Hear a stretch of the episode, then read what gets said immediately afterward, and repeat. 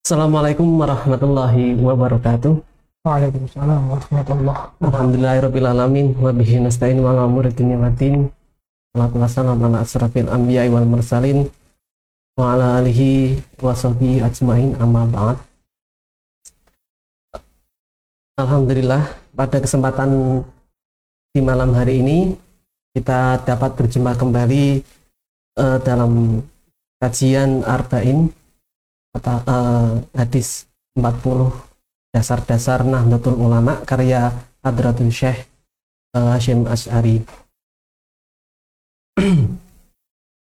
Dalam hal ini eh, kitab karya beliau akan dibawakan oleh sahabat kita Muhammad Wamik Hamadullah Assalamualaikum Mas Wamik. Waalaikumsalam Mas.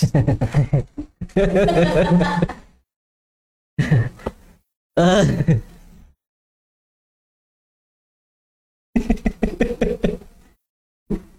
Eh, apa namanya? Eh, berikut kami akan membacakan akan membacakan biografi singkat dari Torik kita pada malam hari ini. Nama beliau yakni Muhammad Wamik Hamadullah. Ini namanya panjang sekali kalau di dikasih teks itu panjang sekali. Biasanya saya singkat M Wamik Hamadullah saja. Untuk tempat tanggal lahir yakni Pekalongan 25 April. Ini tahunnya nggak mau disebutkan, mungkin lahir tahun gajah ya. Makanya malu disebutkan. Eh, untuk pendidikan beliau yakni Madrasah Ibtidak Salafiyah Sapu Garut, Buaran Pekalongan. Kemudian dilanjutkan di MTS Simbang Kulon. Eh, kemudian lanjut ke Ponpes Nurul Huda Simbang Kulon ya, Gus ya dan juga eh, pendidikan terakhir di Pondok Pesantren Rodotur Riayah Randu Dongkal Pemalang. Beliau ini sudah banyak makan bangku pendidikan, Farid, Farid. merek merek ilmu, merek bangku. Eh, untuk pekerjaan beliau yakni entrepreneur. Entrepreneur itu apa Gus? Saya aja. Wirausaha, wirausahawan. Eh, beliau eh, berjualan baju koko dan lain sebagainya. Untuk riwayat organisasi ini beliau su- sungguh sudah sangat melalang buana ya, Mantap. melalang buana menjadi wakil pimpinan redaksi buletin Atsar Timbang Kulon. Ini MTS sama MA-nya nih Gus? MA, MA. MA. Di MA-nya menjadi pimpinan redaksi buletin Atsar. Kemudian juga menjadi unit PMR. PMR itu palang merah. Iya, Pulau Merah. Palang merah, kemudian juga Pramuka, kemudian Ibnu. Ini Ibnu dari tahun 2005 sampai 2018. Berapa tahun ini? 13 tahun ya. Seperti kredit rumah ini sudah lunas. Kemudian menjadi ansor dari 2018 sampai sekarang dan jabatan beliau sekarang ini sebagai wakil ketua dari eh, pimpinan anak cabang DP Ansor Kecamatan Buaran sekaligus juga sebagai ketua media Ansor Buaran. Moto hidup khairunas anfa'uhum linas. Sebaik-baiknya manusia adalah orang yang bermanfaat bagi manusia yang lain. Berarti kalau nanti teman-teman eh, sahabat-sahabat ingin memanfaatkan beliau jangan ragu-ragu karena moto hidupnya emang untuk bermanfaat bagi orang lain. Gitu. betul. Nah, jangan malu-malu untuk memanfaatkan beliau. Eh, status alhamdulillah beliau ini sudah menikah. Berapa tahun? Berarti dua apa tiga? Dua tahun jalan. dua tahun jalan. Anaknya sudah satu. Alhamdulillah ya. Laki-laki. Mas Les buat namanya ya. Nah, eh, demikian itu adalah kurikulum vitae atau biografi singkat dari Kori kita pada malam hari ini. Dan malam hari ini beliau akan membacakan hadis yang ke berapa Gus? 27 dan 27 dan 28. Oke. Eh, untuk menyingkat waktu, marilah kita dengarkan kajian beliau pada malam hari ini. Eh, mohon sahabat menyimak dengan baik dan apabila nanti ada pertanyaan yang ingin disampaikan silakan ditulis di kolom komentar. Monggo, waktu dan tempat yang persilakan. Oke, terima kasih. Sebelumnya ini keberadaan saya di sini dipaksa ini sama ketua MDSRA ya Gus Iqbal. Harusnya ini yang baca Gus Ibad ya Gus Mukhlisul Ibad dan saya moderatornya tapi dibalik ini. Udah. Sak pisau-pisau ini nanti saya baca sahabat penyimak bisa mengkoreksi apabila ada yang salah ya. Hmm. Assalamualaikum warahmatullahi taala wabarakatuh. Bismillah alhamdulillah wassalatu wassalamu ala rasulillah Sayyidina Muhammad ibni Abdullah wa ala alihi wa sahbihi wa man walah la hawla wa la Allahumma salli ala Sayyidina Muhammad. Miftahi babi rahmatillah adada ma fi ilmillah salatan wassalaman daimaini bidawami mulkillah wa ala alihi wa sahbihi adada kulli dzarratin alfa marrah. Amma ba'du. Yang kami takzimi para guru yang kami hormati segenap sahabat media para hadirin menyimak kajian hadis 40 hadis prinsip dasar Jamiah Nahdlatul Ulama baik yang offline di sini ataupun melalui jaringan udara online di official web media Ansar Buaran. Alhamdulillah uh, kita bertemu kembali dan kami di sini mendapat tugas untuk membacakan hadis yang ke-27 dan 28. Uh, sebelum kami bacakan, marilah kita kirim hadiah doa, kita kirim hadiah fatihah dulu kepada Kanjeng Nabi, kepada mu'alif kitab Hadratus Syekh Mu'asih Jamiah Nahdlatul Ulama, dan khususnya kepada para syuhada, para rider, rider KRI Nagala 402 yang baru kemarin ini mengalami musibah. Semoga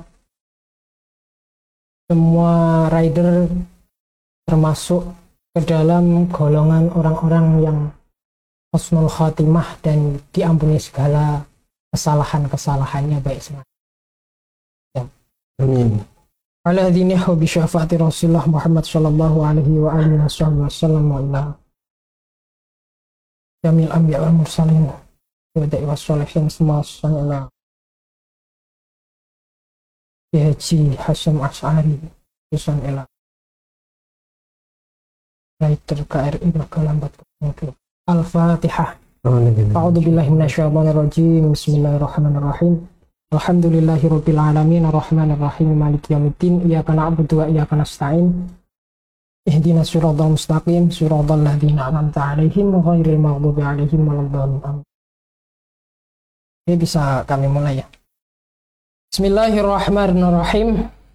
Qala al-mu'allifu rahimahullahu taala wa nafa'na bihi wa bi'ulumihi fid darain. Amin. Yang mujibas sa'ilin ya rabbal alam Hadis ke-27 Bismillahirrahmanirrahim.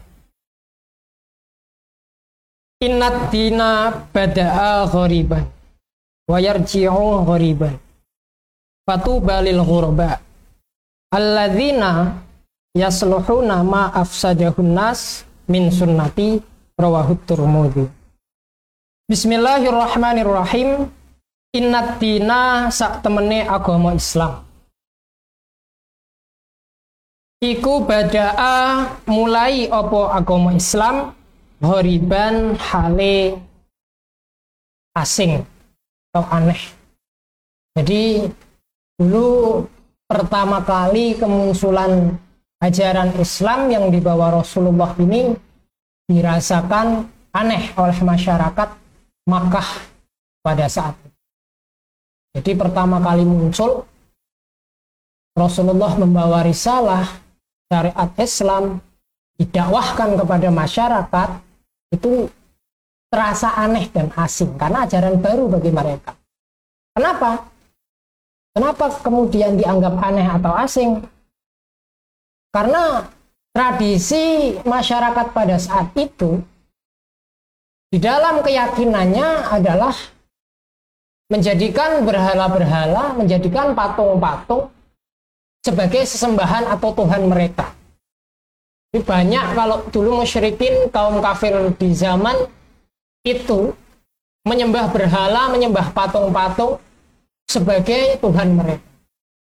Jadi ketika kanjeng Nabi datang, kemudian uh, mendakwahkan, mengajarkan uh, tentang tauhid, tentang zat yang hak disembah yaitu Allah Subhanahu wa taala dianggapnya aneh menyalahi kebiasaan tradisi mereka ini sangat menarik ya. Jadi tantangan pertama Kanjeng Nabi ketika menyampaikan Islam itu sudah banyak yang menentang khususnya dari kaum musyrikin.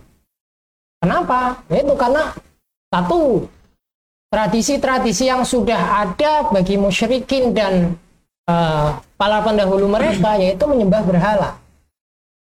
Menjadikan berhala-berhala sebagai Tuhan mereka kok kanjeng Nabi datang kemudian beliau menyampaikan bahwa hanya ada satu zat yang hak disembah yaitu Allah Subhanahu.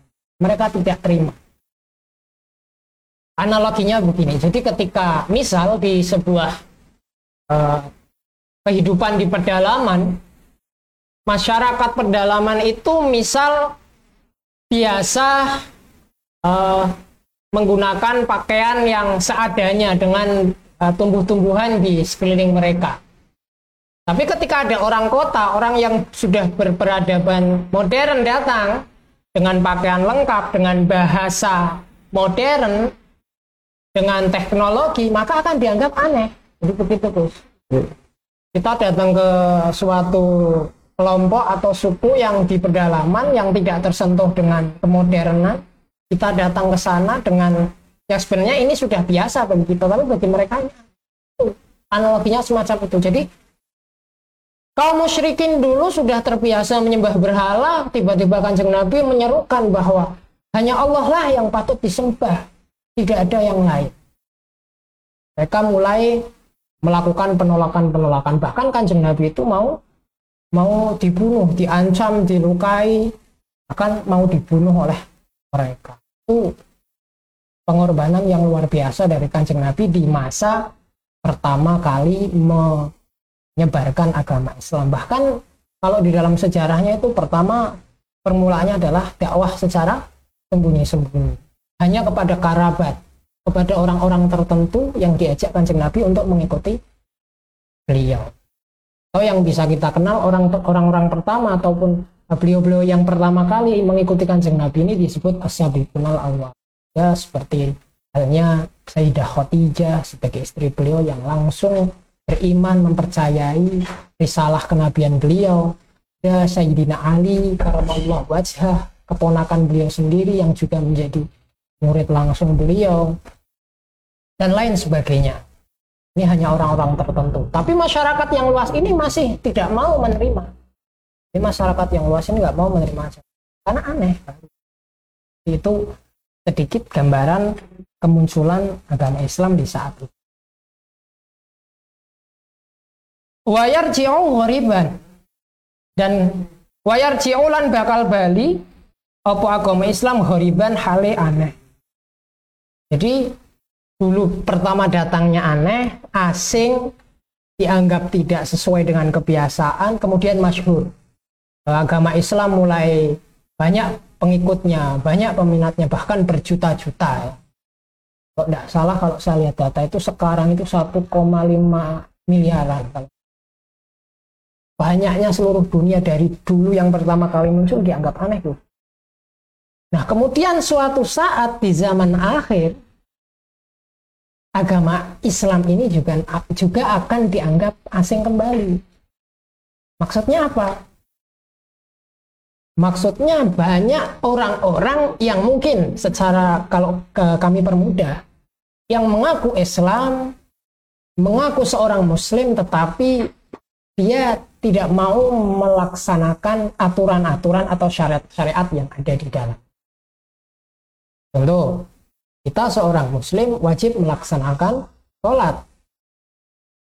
Tapi berapa banyak? Mungkin dari kita sendiri, bahkan saya sendiri yang kadang melalaikan sholat. Lupa dengan sholat.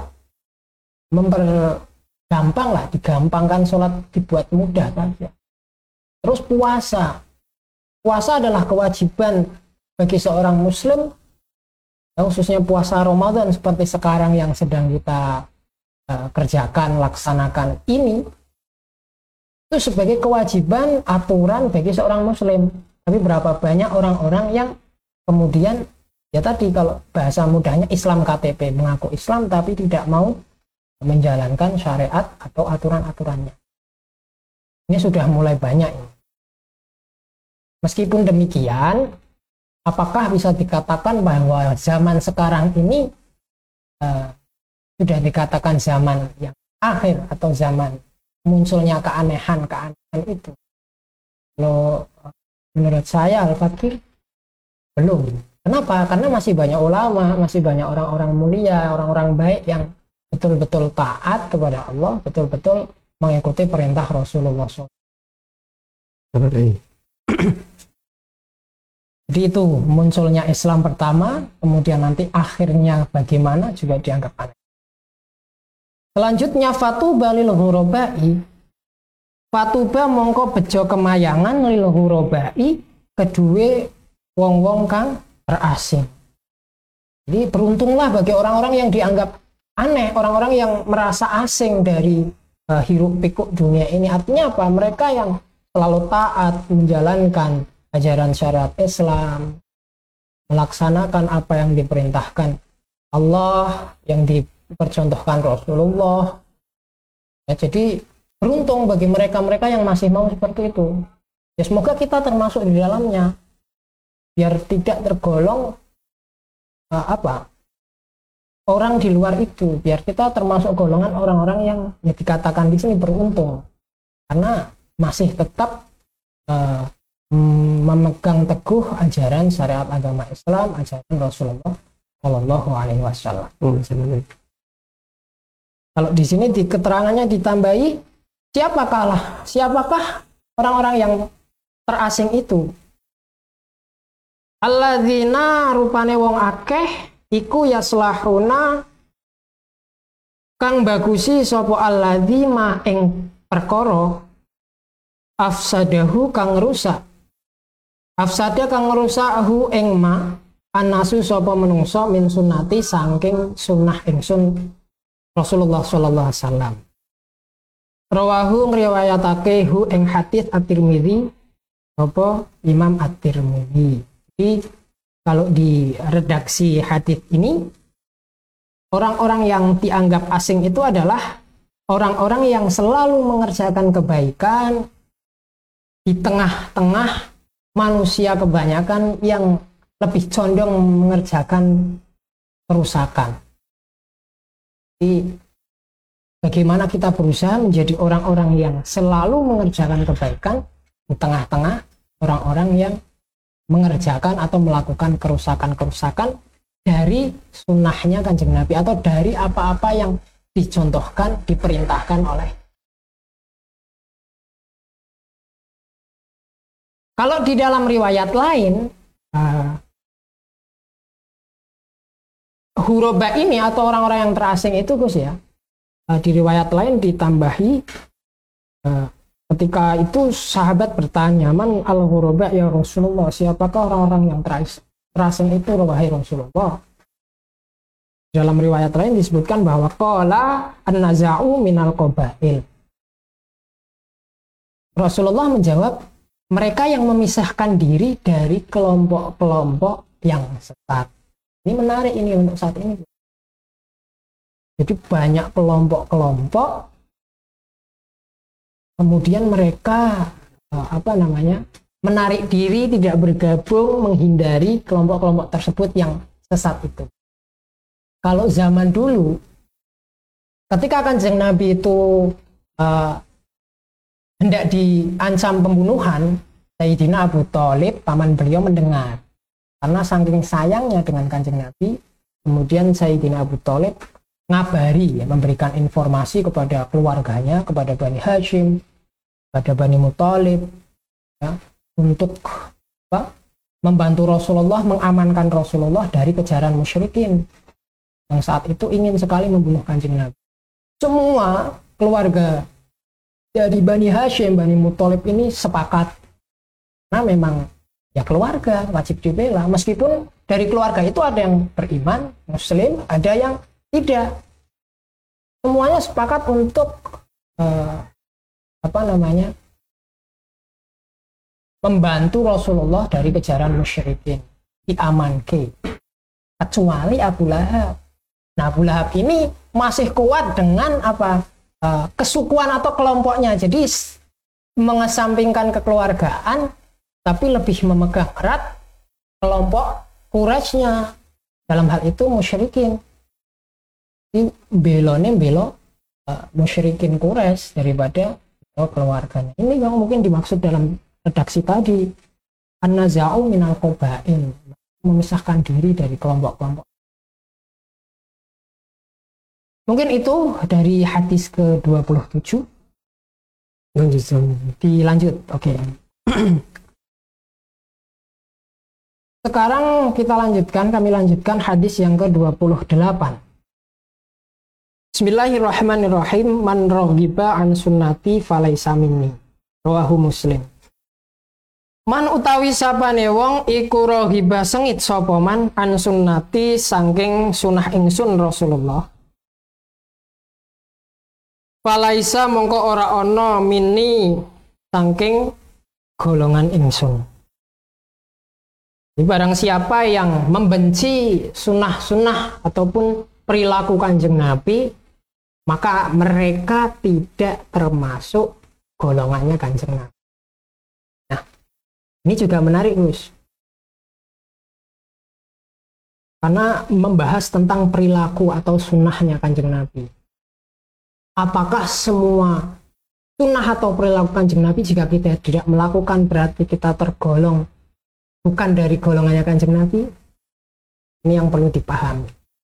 Contohnya, hadis ini tuh biasanya sering disebut di dalam eh, upacara pernikahan, resepsi pernikahan ataupun eh, akad nikah, walimatul nikah itu an nikahu sunnati paman rohiba an sunnati falaisa minni. Nikah itu adalah sunnahku kata Rasul. Barang siapa yang tidak barang siapa yang membenci sunnahku yaitu pernikahan kalau ujungnya falaisa minni maka dia tidak tergolong golongan dari Rasulullah. Kemudian pertanyaannya apakah orang-orang yang tidak menikah ini berarti bukan golongannya Rasulullah? Ya, jadi kalau secara hukum taklifi, kalau ini contoh yang nikah ini, Imam Syafi'i itu beristihad mengkategorikan pernikahan sebagai perkara yang mubah. Yang boleh dilakukan, boleh tidak. Nah, kemubahan ini bisa berubah-ubah. Kadang menjadi wajib, kadang menjadi sunnah, kadang menjadi haram. Kalau perkara kesunahan nikah. Kemudian kita tarik kalau sunnah yang dimaksud adalah apa saja yang dilakukan oleh Rasulullah. Contoh tadi masih dengan pernikahan, kanjeng Nabi itu tidak hanya sekali menikah. Apakah kita sebagai umatnya harus meniru dengan menikah seperti kanjeng Nabi menikahi banyak perempuan, menikahi banyak wanita? Tentu tidak. Karena itu khusus bagi kanjeng Nabi. Kita tidak bisa seperti kanjeng Nabi kok kemudian ditiru nikah wong wedok songo direnteng 10 direnteng. Satu secara kemampuan jelas kita tidak akan pernah bisa adil. Yang kedua yo awak dewi iki sapa? Kok isone por-poran bahasanya ya? Seperti itu. Jadi itu kalau kita berikan contoh kepada pernikahan. Nah yang lebih eh, kita tarik lagi itu kalau membahas soal kesunahan pasti yang lebih tahu adalah para ulama. Kadang ada kelompok atau golongan yang mereka mengaku paling sunnah. Mereka mengaku paling meniru kanjeng nabi sehingga menafikan keberadaan orang-orang selain mereka. Kamu sesat kamu syirik kamu kafir karena tidak sesuai dengan mereka. Sedangkan mereka menganggap bahwa saya yang paling sunnah semuanya dikasih embel-embel sunnah. Kalau kita e, melihat di medsos itu banyak telur sunnah, ada itu telur sunnah dibudidayakan ayam dibudidayakan dengan tidak lebih dari empat betina. Macam apa yang semacam? Ada itu kejadian seperti itu, Gus. Sampai ada yang dibacakan kiroah Iya, ada itu ya. Saya melihat ayamnya itu katanya ayam halal ayam halal. ayam syariat ayam syariah kemudian dibacakan kiroah dari MP3 begitu biar biar mungkin dagingnya empuk tapi saya kira itu terlalu uh, mengada-ada lah kalau mengada-ada. Itu tadi soal kesunahan. Kembali lagi bahwa yang mengerti kesunahan ini adalah para ulama. Dulu ketika uh, abad 2 Hijriah itu kelompok-kelompok yang mengingkari sunnah ini sudah mulai bermunculan saat saat masanya sahabat. Oh. Pada saat itu salah satu sahabat kalau tidak salah yang bernama uh, sahabat Imran bin Husain yang wafat pada tahun 52 Hijriah. Beliau sedang mengajarkan sebuah hadis menyampaikan kepada di tengah-tengah beliau menyampaikan ini ada yang nyeletuk, ada yang menanggapi bahwa ora usah uh, hadis itu nggak perlu disampaikan, nggak perlu diajarkan. Kita cukup berpegang teguh dengan Al-Quran saja sebagai sumber primer dalam menjalani kehidupan. Kemudian uh, sahabat siapa ini Im, Imran bin Husain ini menjawab, kalau kita hanya merujuk pada Al-Quran, bagaimana mungkin kita bisa melakukan sholat, puasa yang di dalam Al-Quran ini tidak ada detail-detail uh, apa cara melaksanakannya. Yang ada adalah hadis-hadis sebagaimana yang di, disampaikan oleh kanjeng Nabi. Karena saat itu masih zaman beradanya sahabat, jadi langsung kepada kanjeng Nabi bisa melihat.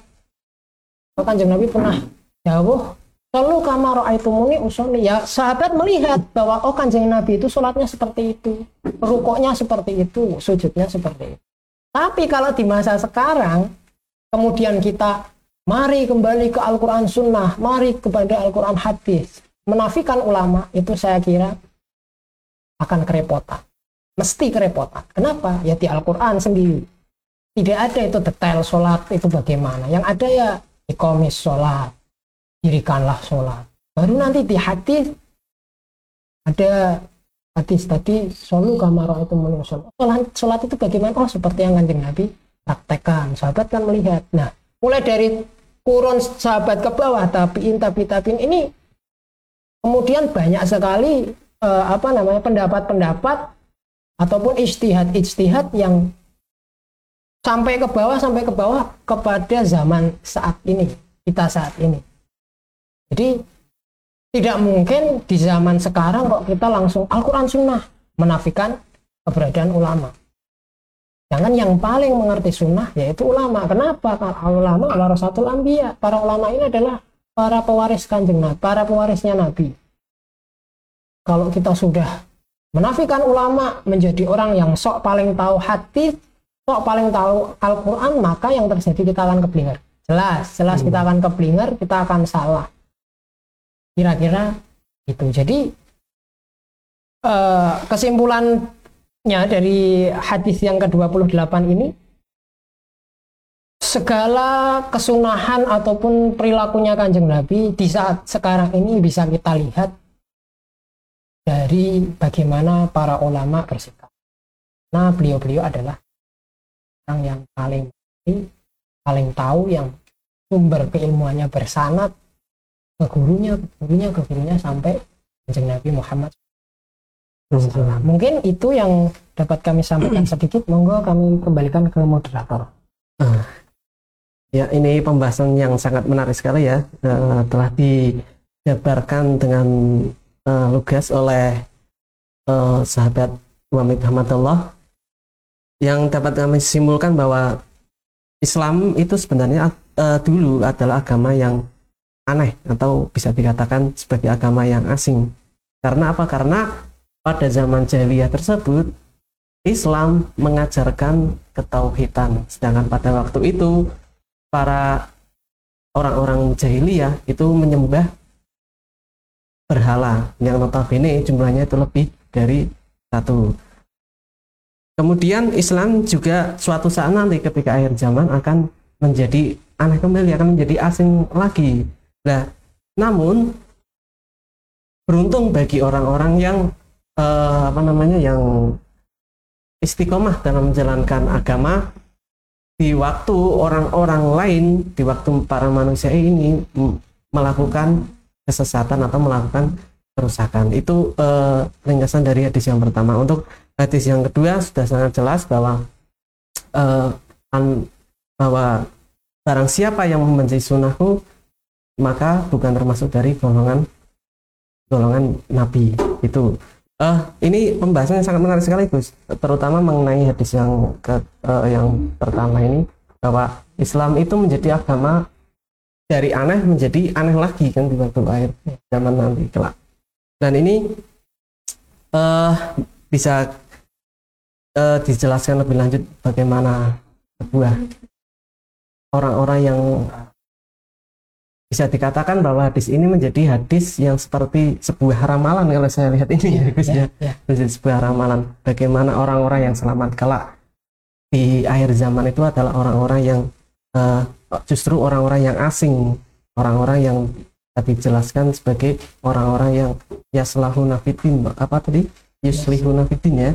Orang di waktu orang-orang di waktu para manusia ini melakukan kerusakan.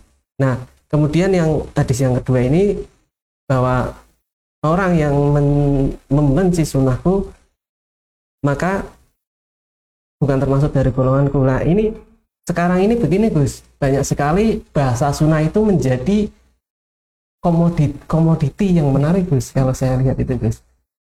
Dikit-dikit sunnah dikit-dikit sunnah. Saya kadang itu curiga bahwa jenggot itu dikatakan sebagai kesunahan itu sering-sering kali dikeluar-keluarkan. Jangan-jangan itu hanya sebuah eh, marketing untuk menjual produk penumbuh jenggot kadang Ya, saya berpikiran bisa. seperti itu. Padahal kemudian juga bisa dikatakan bahwa eh, kita kita eh, bahas masalah jenggot dulu. Apa namanya? Seperti jenggot itu kan sekarang sudah menjadi seperti ya bukan menjadi karena perilaku sebagian orang sehingga menimbulkan stigma negatif bahwa orang yang berjenggot itu adalah orang-orang teroris. Nah, maka secara tidak langsung kita akan menjadi apa namanya? menjadi sedikit punya rasa apa namanya rasa pandangan yang negatif terhadap orang-orang yang berjenggot tersebut. Nah, ini dikaitkan dengan hadis yang seperti ini apakah dari sikap kita yang semacam itu menjadi rohibaan sunati seperti itu, Gus? Monggo dijelaskan, Gus. Ya. Kalau yang dimaksud rohibaan sunati yang membenci, belum saya menjawab masalah jenggot. Ini tadi eh, mungkin sebelum selesai tadi, dulu ada banyak kelompok atau orang-orang yang ingkar terhadap sunnah kanjeng Nabi. Itu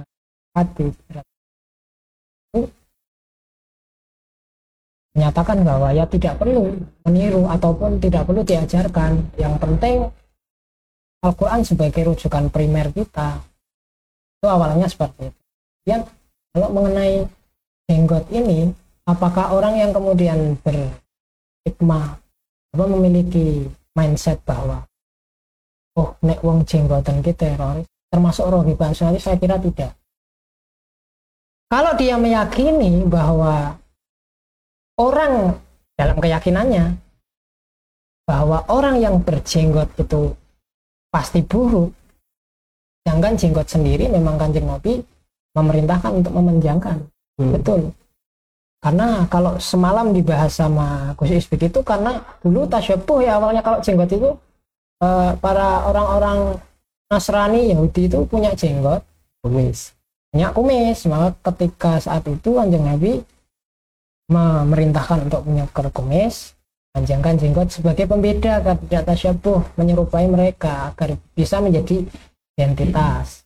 Kemudian kalau sekarang apakah berarti kita semua sebagai orang Islam yang ingin meniru Rasulullah harus berjenggot saya kira tidak juga kenapa karena jenggot ini kalau di dalam ilmu apa ya anatomi tubuh itu ya tidak semua penduduk di berbagai belahan negara ini bisa menumbuhkan rambut-rambut selain rambut kepala. Di contoh daerah Cina, daerah Korea seperti itu. Itu masyarakat atau orang-orangnya itu secara hormon mungkin ya, Pak. Itu mereka tidak tidak orang bawaannya wong-wong sing iso apa pukul atau tumbuh jenggot dibanding orang-orang Arab. Orang-orang Arab itu sudah menjadi apa ya? kebiasaan tubuh dari mungkin pengaruh faktor suhu dan lain sebagainya sehingga tumbuhnya jenggot ini bisa cepat sekali sehingga mereka tidak butuh dengan apa itu tadi obat penumbuh jenggot dan lain sebagainya nah sedangkan sebenarnya ada sunnah yang lebih penting selain kaitannya dengan apa? Ident apa? Pakaian dengan tadi aksesoris Penampilan, ya. penampilan. Itu masih banyak sunah-sunah yang lebih penting dan prinsipil saya kira. Bahwa kanjeng Nabi suka dengan orang-orang fakir miskin. Bahwa kanjeng Nabi mencintai sesama makhluk. Kanjeng Nabi berakhlakul karimah berbudi luhur sopan santun nah kenapa bukan itu yang kita angkat kenapa kita hanya sibuk dengan penampilan jenggot urusan dohiriyah saja Iya, dohiriah saja, jenggot, kemudian pakaian cingkrang, misal ya nyuwun sewu, saudara saudara. Tidak cukup dengan itu. Karena pakaian-pakaian itu kan kaitannya dengan tradisi. Hmm. Karena tradisi mungkin di Nusantara kita ini bersarung, berkoko, memakai peci ya itu bisa dikatakan ya kita sunnah meniru kanjeng Nabi dalam hal apa? Ya memakai pakaian-pakaian yang pantas, yang bagus. Bukan harus bergamis, kemudian memanjangkan jenggot. Maka kita harus apa? Harus lihat konteksnya dulu. Tidak boleh semuanya di kebiah-uyah lah ya, disamaratakan. Eh, seperti tadi bahwa betul kalau sekarang stigma negatif dari masyarakat menganggap bahwa orang-orang berjenggot itu rodok-rodok condong sedikit condong ke radikalis terorisme itu karena memang ia menjadi wajah. Saya sendiri ya. Ya ini saya jenggotan. Saya jenggotan. Kemudian eh, saya tidak membatasi pergaulan dengan teman-teman banyak sekali yang dari salafi wahabi itu. Ya kita memang berbeda tapi dalam pergaulan kami itu kalau saya bilang ya silahkan kamu percayai hal-hal yang menjadi sudah kepercayaanmu seperti itu. Lakukan tapi jangan kemudian menuduh orang yang lain yang tidak sepertimu sesat tidak sunnah dan lain sebagainya. Barangkali orang lain itu sunnah meniru kanjeng Nabi tapi dari arah tertentu. Misal, kanjeng Nabi tadi suka dengan orang-orang fakir miskin. Ada masyarakat ada orang-orang yang barangkali tidak berjenggot tapi dia melaksanakan sunnah yang lainnya kanjeng Nabi menyantuni fakir miskin janda dan lain sebagainya mencintai masyarakat sopan santun kan juga bagus Mm-mm. ini itu Ini menarik sekali Gus. Saya itu pernah mendengar Gus ya dari ceramahnya Gus Mus waktu beliau ceramah di Pondok Selirpuyo. Bahkan beliau ini sampai eh, terkait dengan masalah pakaian tadi, masalah penampilan tadi Gus ya. Beliau itu eh, seingat saya pernah mengatakan kalau toh Nabi Muhammad ini diturunkan di Jawa, mungkin pakaian beliau ini pakainya batik bukan gamis sampai Iya, mengatakan iya. seperti itu. Nah, jadi memang sebenarnya itu kita sering kali eh, apa namanya lebih eh, cenderung memikirkan hal-hal yang sebenarnya nggak penting-penting amat Iya, begitu. iya. Justru yang eh, menjadi tujuan Nabi diutus ya ini sebagai eh, memperbaiki akhlak itu sering kali kita terabaikan Iya. malah justru hal-hal sepele seperti pakaian dan lain sebagainya justru sering kali digunakan untuk eh, lagi menganggap diri sebagai paling sunnah dan menyakiti menyakiti orang lain dengan ucapan-ucapannya justru malah kebalik kalau seperti Iya. itu Gus ya. Oke baik pemirsa eh, sahabat media yang kami muliakan yang kami cintai eh, barangkali ada ingin ada yang ingin ditanyakan bisa disampaikan di kolom komentar. Nah, silakan ini dari dari Mujahidin. Estafara. Oh, Mandalika. Terus bagaimana cara membedakan muslim yang sesat saat ini? Bagaimana cara membedakan sunnah yang benar? Eh, ini ada pertanyaan Gus. Ini kaitannya dengan masalah kesunahan karena kita memang membahas soal sunnah ya. Eh, bagaimana membedakan Muslim yang sesat. Nah, dan dan sunnah yang benar-benar sunnah begitu ya? Silakan. Dan juga lanjut sekalian ya. Apakah sarung itu sunnah terus? Pertanyaan dari Majelis Mujahidin. Papua. Ini pertanyaannya berarti dapat saya simpulkan bagaimana membedakan Muslim yang sesat begitu dan Hmm. dan kesunahan yang benar-benar sunnah itu seperti apa Gus? Dan ditambahkan eh, sarung. Sarung itu apakah termasuk dari kesunahan atau memang sebuah budaya? Untuk pertanyaan yang pertama tentang kesesatan seorang muslim. Saya teringat sebuah dawuhnya Haji Hamim Tohari, Tohari Jazuli atau Kusmi itu begini. Dia pernah akan bahwa ketika kita melihat orang lain kita pandangannya dengan makrifat dengan kasih sayang. Tapi ketika dengan diri kita sendiri melihat diri kita sendiri kita harus berpandangan syariat ataupun tegas begitu. Nah kaitannya dengan kesesatan muslim ini ya yang pertama kita tidak bisa menjustifikasi begitu saja tanpa ada tanda-tanda yang sebagaimana disebutkan tentu oleh para ulama karena yang paling mengerti Islam yang kafah, Islam yang benar ini ulama. Maka ketika ulama sudah menyampaikan ajaran Islam yang baik itu bagaimana? Maka kalau kita sudah bisa memahami itu, ya kita akan tahu oh di luar itu menyalahi aturan atau sesat. Meskipun demikian, kita tidak boleh kemudian langsung kamu sesat karena tidak begini begini. Karena ada banyak sekali pendapat-pendapat, perbedaan-perbedaan pendapat yang kalau kita tidak tahu ini fatal sekali, bisa menyesatkan. Contoh, kalau kita hanya meyakini bahwa misal doa kunut Mm-mm. dalam sholat subuh itu sebuah sunnah yang harus kita lakukan, kita hanya tahunya itu. Kita tidak tahu bahwa ada pendapat lain yang tidak menyunahkan doa kunut, bahkan ketika sholat subuh tidak dengan doa kunut. Ya maka kita akan menganggap bahwa yang tidak kunut ini sesat, ataupun sebaliknya kita sudah meyakini bahwa tidak kunut kalau subuh itu, tapi kalau ada yang kunut berarti sesat. Ya maka kita akan menuduh orang yang kunut sesat. Padahal itu kan ya, khilaf. Artinya banyak ulama berbeda pendapat masalah itu. Nah, mengenai kesesatan Islam ini ini untuk kita menilai diri kita sendiri bukan kepada orang lain. Mm-mm. Kepada diri kita sendiri kita menggunakan aturan-aturan yang sudah berlaku apakah saya sama dengan yang sudah diajarkan Rasulullah? Apakah saya termasuk golongan-golongan yang baik?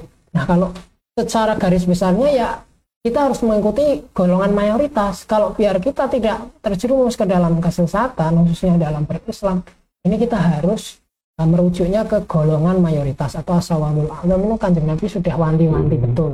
Nah, mayoritas sekarang penduduk dunia itu bagaimana secara madhab dan praktek agamanya bisa kita lihat dari uh, kebiasaan kita sebagai warga Nahdliyin. Jadi kita sebagai orang-orang NU ya sebagai santrinya Hadratus Syekh tidak boleh ragu, tidak boleh yakin, eh, tidak boleh tidak yakin bahwa saya itu sudah benar belum. Insya Allah kalau kita tetap teguh dalam pendirian Jamiah Nahdlatul Ulama, mengikuti para ulama kiai habaib itu insya Allah kita akan termasuk golongan yang tidak tersesat asawamul a'lam. Kenapa Gusmus? Ini melanjut tadi kalau jenengan dengar Gusmus soal uh, pakaian itu, saya pernah dengar bahwa Gusmus itu uh, suatu saat melakukan perjalanan dari negara ke negara untuk men- hanya sekedar mensurvei apakah uh, cara beragama saya ini sudah termasuk mayoritas. Gitu. Gusmus ke negara, ke Syria, ke Mesir, ke mana saja lah ternyata betul apa yang sudah dikerjakan kita sebagai warga Indonesia Islam Nusantara itu sudah ya ini sudah sama dengan golongan mayoritas Islamnya di dunia. Termasuk misal dalam amaliyah kita ada tahlilan maulidan itu di negara-negara sama. Mungkin namanya saja yang berbeda cuma secara tradisinya sama. Nah ada tahlilan ada doa peringatan eh, wafatnya seseorang kita doakan di luar sana di negara-negara sana luar-luar juga sama. Cuman ada sebagian kelompok dari saudara kita sendiri sebenarnya. Sama umat muslim yang menganggap bahwa amaliyah yang kita kerjakan ini sesat sekali. Padahal tidak hanya sekedar apa ru'yah. Kalau panjenengan tidak meyakini bahwa itu sebuah kebenaran ya sudah cukup. Tidak perlu melontarkan tuduhan sesat. Kenapa? Karena kami yang melakukan juga mempunyai dalil atau hujah yang juga Ya, ya. itu pertanyaan yang pertama. Lalu pertanyaan kedua terkait dengan sarung itu. Sunnah itu tidak? Sunnah oh ya di sunnah yang betul-betul sunnah itu bagaimana dan sarung itu apakah bagian dari sunnah? Ya tadi eh, kita harus selalu belajar merujuk kepada ulama yang mengerti paling mengerti kanjeng Nabi itu ulama. Bukan kita membaca sebuah teks tulisan atau hadis kemudian kita sudah mendapat bahwa oh saya kenal dengan Rasulullah tidak perlu itu ijma-ijma kias-kias. Yang penting kita langsung Al-Quran hadis tidak bisa karena di situ akan kan banyak sekali itu ada yang di apa nasah mansuh kalau di Al-Quran itu ada yang diperbarui jadi hadis kanjeng Nabi pernah dawuh begini kemudian dawuh begini yang kontradiktif itu kalau kita tidak mengikuti ulama awam saya kira seperti kami itu pasti tidak punya waktu untuk menelaah ilmu-ilmu yang lebih dalam.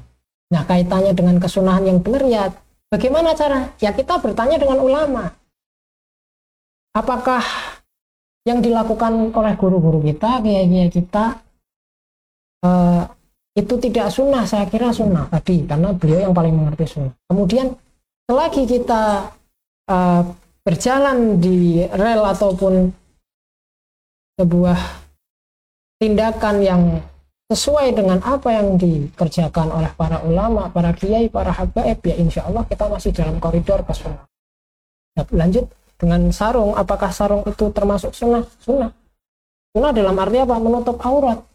Yang dimaksud pakaian yang kalau kanjeng Nabi betul memakai gamis karena memang tradisi ataupun apa, di Mekah atau di Arab sana kan pasir, padang pasir, banyak debu maka untuk menutupi uh, tubuh ini agar tidak berdebu, tidak kotor, ya orang-orang Arab itu ya kebiasaannya pakai gamis, pakai pakaian sampai mata kaki bawah sini. Nah kalau kita di Indonesia yang musimnya sejuk ya tropis, tidak berpasir seperti di sana, ya tidak perlu menutup berukut. Iya. Kan seperti itu. Pakainya sarung Gus ya. Pakai sarung itu sudah Biar yang di dalam bisa demokratis. Nah, ya. itu. Maksudnya Selain- itu. Selain ISIS juga yang di dalam bisa demokratis. Ya, jelas. Bergerak ke sana ke bisa kemari. gerak ke sana kemari. Oke, itu ya bisa saya simpulkan bahwa per- apa untuk mengetahui seorang muslim yang sesat atau tidak itu sebenarnya dari kita sendiri. Kalau yang sangat saya tangkap dari penjelasan tadi, bagaimana kok bisa dari kita sendiri bahwa kita mesti banyak belajar, artinya banyak belajar tentang masalah agama, bahwa memang apakah ini memang apakah yang dilakukan orang itu ada dalilnya atau tidak? Dalam artian halal atau haramnya itu ada atau tidak begitu Gus ya Ya. saya kira seperti itu ya arahnya ya jadi Ya. kita memang harus banyak-banyak belajar agar tidak mudah menuduh orang lain sesat Ya, seperti ya. itu oke terkait ini Gus menarik Gus tadi kan sering kali dari Mas Gus ini menjelaskan bahwa kalau kita mau mengikuti sunnah ya sering-sering kita eh, belajar dari ulama karena ulama itu orang yang lebih mengerti tentang sunnah kan seperti itu. Nah sekarang ini kan banyak sekali ulama-ulama dalam tanda kutip eh, sedikit ya nyeleneh lah bisa saya katakan bahwa kenapa bisa nyeleneh? Karena baru eh, dari ceramah-ceramah yang disampaikan di beberapa forum atau di di platform YouTube dan lain sebagainya sering kali beliau menyampaikan hal ulama tersebut menyampaikan hal yang celeneh seperti masalah bahwa eh, yang ramai seperti kemarin mengatakan bahwa ular itu termasuk dari ulama kan seperti itu. Nah orang yang menyampaikan itu dianggap sebagai ulama. Ada lagi yang menyampaikan bahwa anjing itu haram makanya saya tabrak sampai dia pincang kan seperti itu. Nah kaitannya dengan eh, ulama yang justru lebih mengerti sunnah, kenapa? Ada ulama yang seperti itu mengajarkan. Kalau saya pribadi ini melihat sampai menabrak anjing sampai pincang itu kan berarti sebuah kekejian ya karena menya- menyakiti menyakiti makhluk Allah seperti itu. Walaupun eh, memelihara anjing ada hukumnya semacam itu Gus. Nah kita sebagai orang awam bagaimana eh, untuk mengi- mengikuti ulama yang seperti apa yang seharusnya kita ikuti seperti itu itu, itu, itu.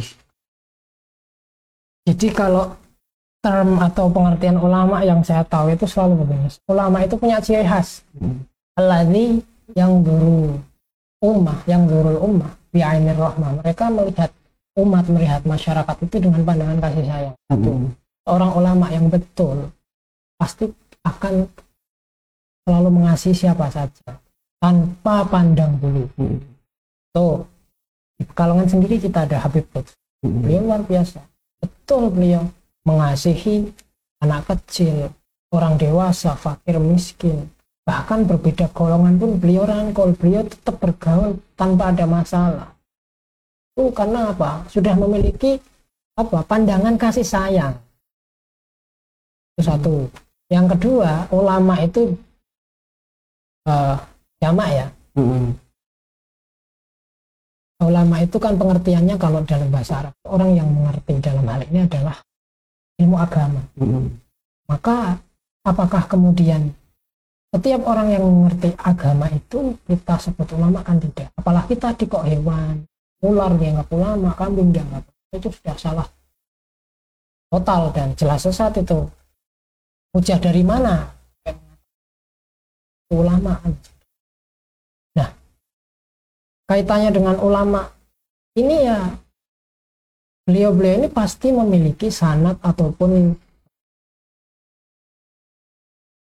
guru-guru yang jelas. Pengajarannya dan sudah terbukti di masyarakat. Bisa dibuktikan.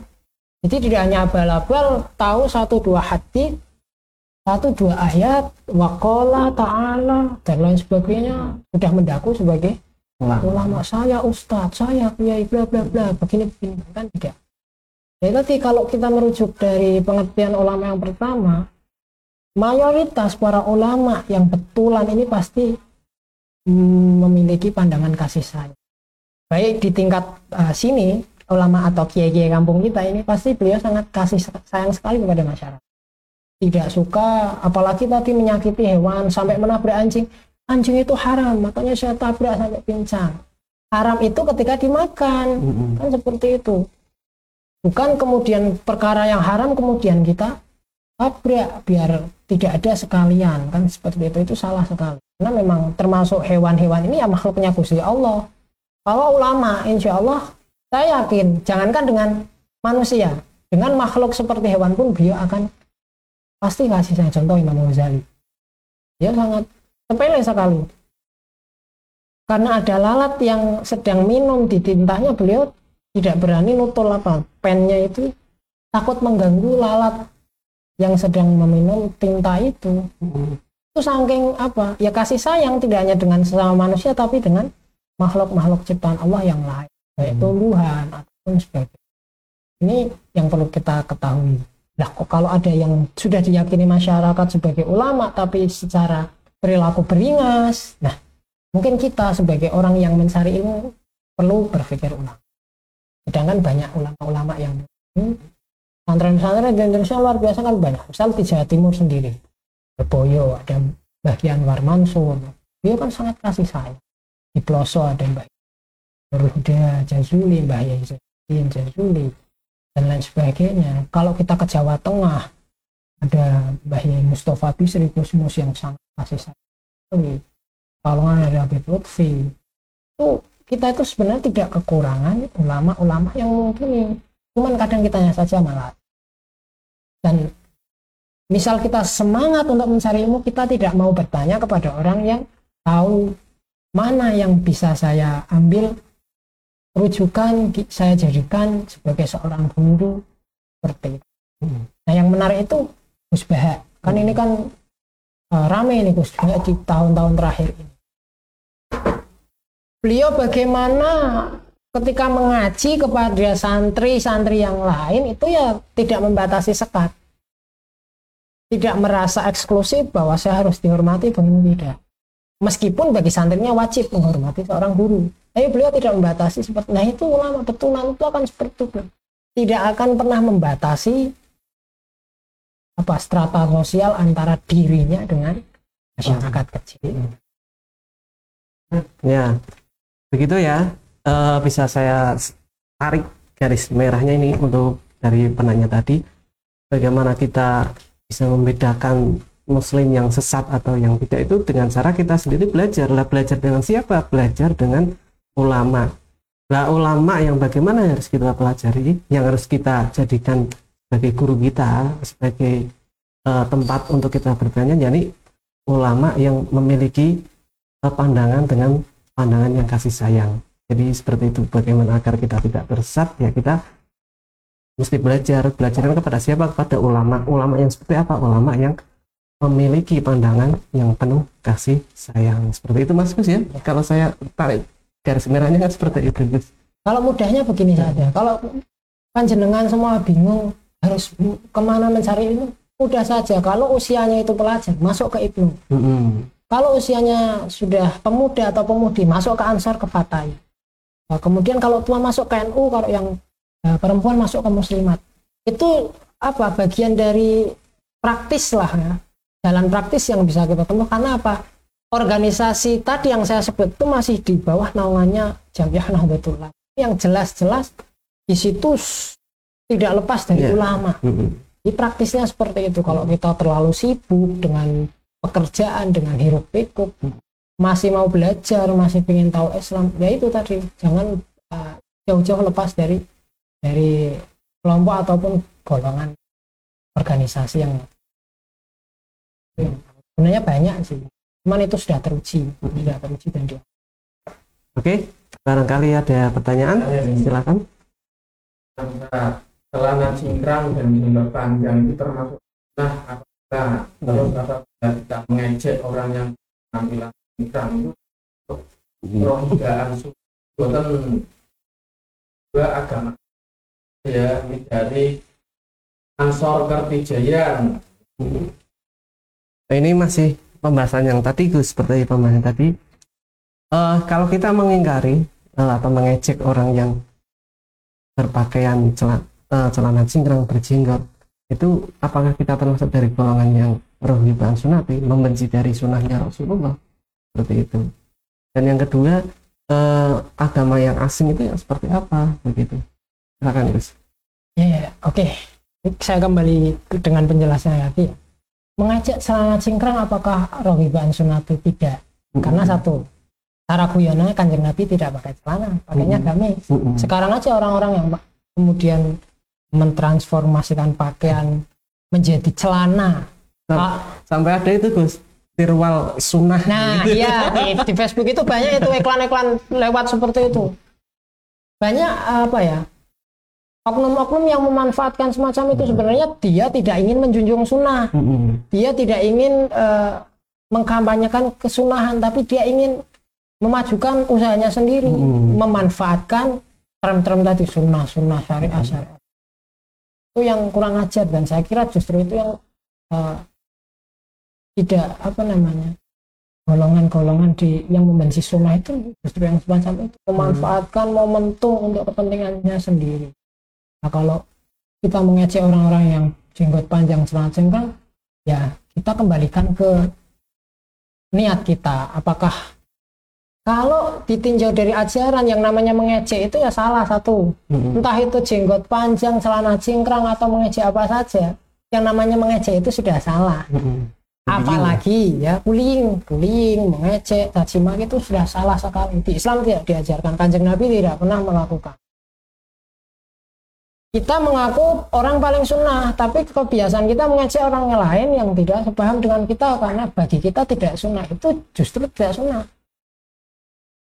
Kemudian kalau mengecek ya satu tadi ya kembali ya mengecek itu salah. Tapi apakah kemudian kalau mengecek mereka yang pakai celana cingkrang jenggot panjang kemudian kita pemibaan sunati ya tergantungnya kita. Kita membenci. Membenci perilakunya mereka atau kita membenci apa yang sudah pernah dicoba. Kita sendiri kan nggak bisa kemudian menilai orang lain wah kok senengnya ngunek ke kedulure saudaranya. Kok katok sing saya kira itu hanya untuk sindiran Eh, banyak orang-orang yang mengatakan semacam itu tapi bukan untuk dalam arti rohiban sunati membenci sunahnya Nabi tapi yang dituju orang tersebut karena Hmm. biasanya begini saya katakan tidak semua orang yang ber yang katok cingkrang memakai celana cingkrang berjenggot tidak hitam itu teroris ataupun orang-orang yang salah orang-orang yang sesat tidak semuanya tapi kebanyakan para ekstremis radikalis itu rata-rata kebanyakan loh ya tidak semua. Dia pakai katok cingkrang berjenggot. Guru kita juga banyak yang memelihara jenggot. Eh, ya banyak sekali lah artinya tinggal kita lihat konteksnya saja gitu. bukan konteks. Itu dalam arti seperti apa namanya kita yang dituju orangnya atau sebenarnya kita sedang mengecek kebiasaan Rasulullah yang menutup aurat karena Hmm. kalau kalau sebenarnya celana cingkrang itu ya kanjeng Nabi tidak pernah kan Hmm. Yes. Oke untuk pertanyaan ke- eh, kedua terkait dengan agama yang asing itu seperti apa Gus? Ini kayaknya orangnya nggak nyimak dari awal ya seperti ditanyakan lagi. agama oke agama yang asing ya itu tadi kalau saya mencontohkan yang mudah itu banyak orang yang mengaku beragama tetapi mereka tidak mau menjalankan aturan-aturan agama Tuh, saya mengaku seorang muslim ketika waktunya sholat saya tidak mau sholat. Itu jadinya agama asing bagi saya sendiri. Wong saya itu mengaku bagian dari Islam tapi kok malah aturan-aturan yang ada kita nggak mau saya nggak mau lakukan. Misal puasa puasa sekarang sedang ya sedang kita lakukan lah puasa Ramadan saya mengaku muslim tapi saya tidak mau puasa. Ah saya eh, lapar hanya haus saja dan. Ya, itu asing. Nah tapi yang dimaksud di hadis ini nanti zaman akhir itu hal-hal yang semacam itu sudah menjadi mayoritas. Tidak hanya dilakukan oleh oknum atau satu dua orang. Mayoritas masyarakat akan menjadikan ajarannya sendiri itu terlihat seolah bukan dari bagian ajaran mereka. Mereka. Oke. Eh, apakah ada pertanyaan lain? Sudah cukup ya. Oke. Eh, baiklah karena sudah tidak ada pertanyaan lagi, saya kira untuk waktunya untuk closing statement atau statement akhir dari pembicara kita yakni sahabat Muhammad Muhammadullah. Silakan. Gus. Oke, yang terakhir sebelum moderator mengakhiri itu yang utama dan paling utama. Maaf pada para hadirin kepada para sahabat media di mana pun apabila dalam kami menyampaikan ada salah-salah kata dan mohon koreksi apabila ada salah-salah dalam baca dan ini terkait dengan hal. kemudian sebelum kami kembalikan ke moderator bahwa di era sekarang ini banyak sekali godaan-godaan, banyak sekali kelompok-kelompok yang tidak jelas, yang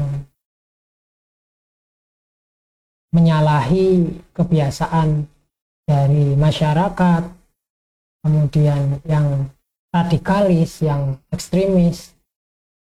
Kalau kemarin ada yang mengaku nabi itu ya meskipun bukan dari Islam tapi itu miris ya. Jadi kita hindari dengan kelompok-kelompok yang semacam. Dan paling aman kita insya Allah saya yakin hakul yakin paling aman kita tetap bernaung di Jamiah Nahdlatul Ulama di banom-banomnya Ansor, Banser, Ibnu PPNU, Fatayat, Muslimat, Jatman, Regunu dan lain sebagainya yang masih di dalam konteks naungan Nahdlatul Ulama insya Allah kita akan terhindar dari kesesatan-kesesatan yang marah sekitar. Mungkin itu saja Oke. Uh, kurang lebihnya mohon maaf kami kembalikan ke Oke, eh, eh, closing statement yang sangat bagus sekali ya. Eh, sebelum kami akhiri acara pada malam hari ini, perlu kami sampaikan bahwasanya eh, di Galeri Ansor Buaran ini menyediakan berbagai macam produk-produk dan atribut Ansor atau Banser. Eh, dan bari- bagi sahabat media yang ingin membeli eh, atau ingin lihat katalog bisa langsung hubungi nomor yang tertera di bawah ini di round text yang berjalan di bawah ini.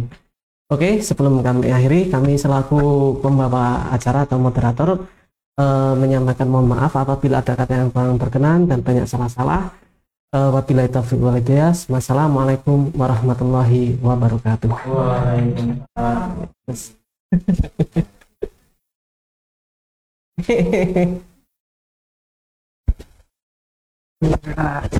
Kurang jam kan?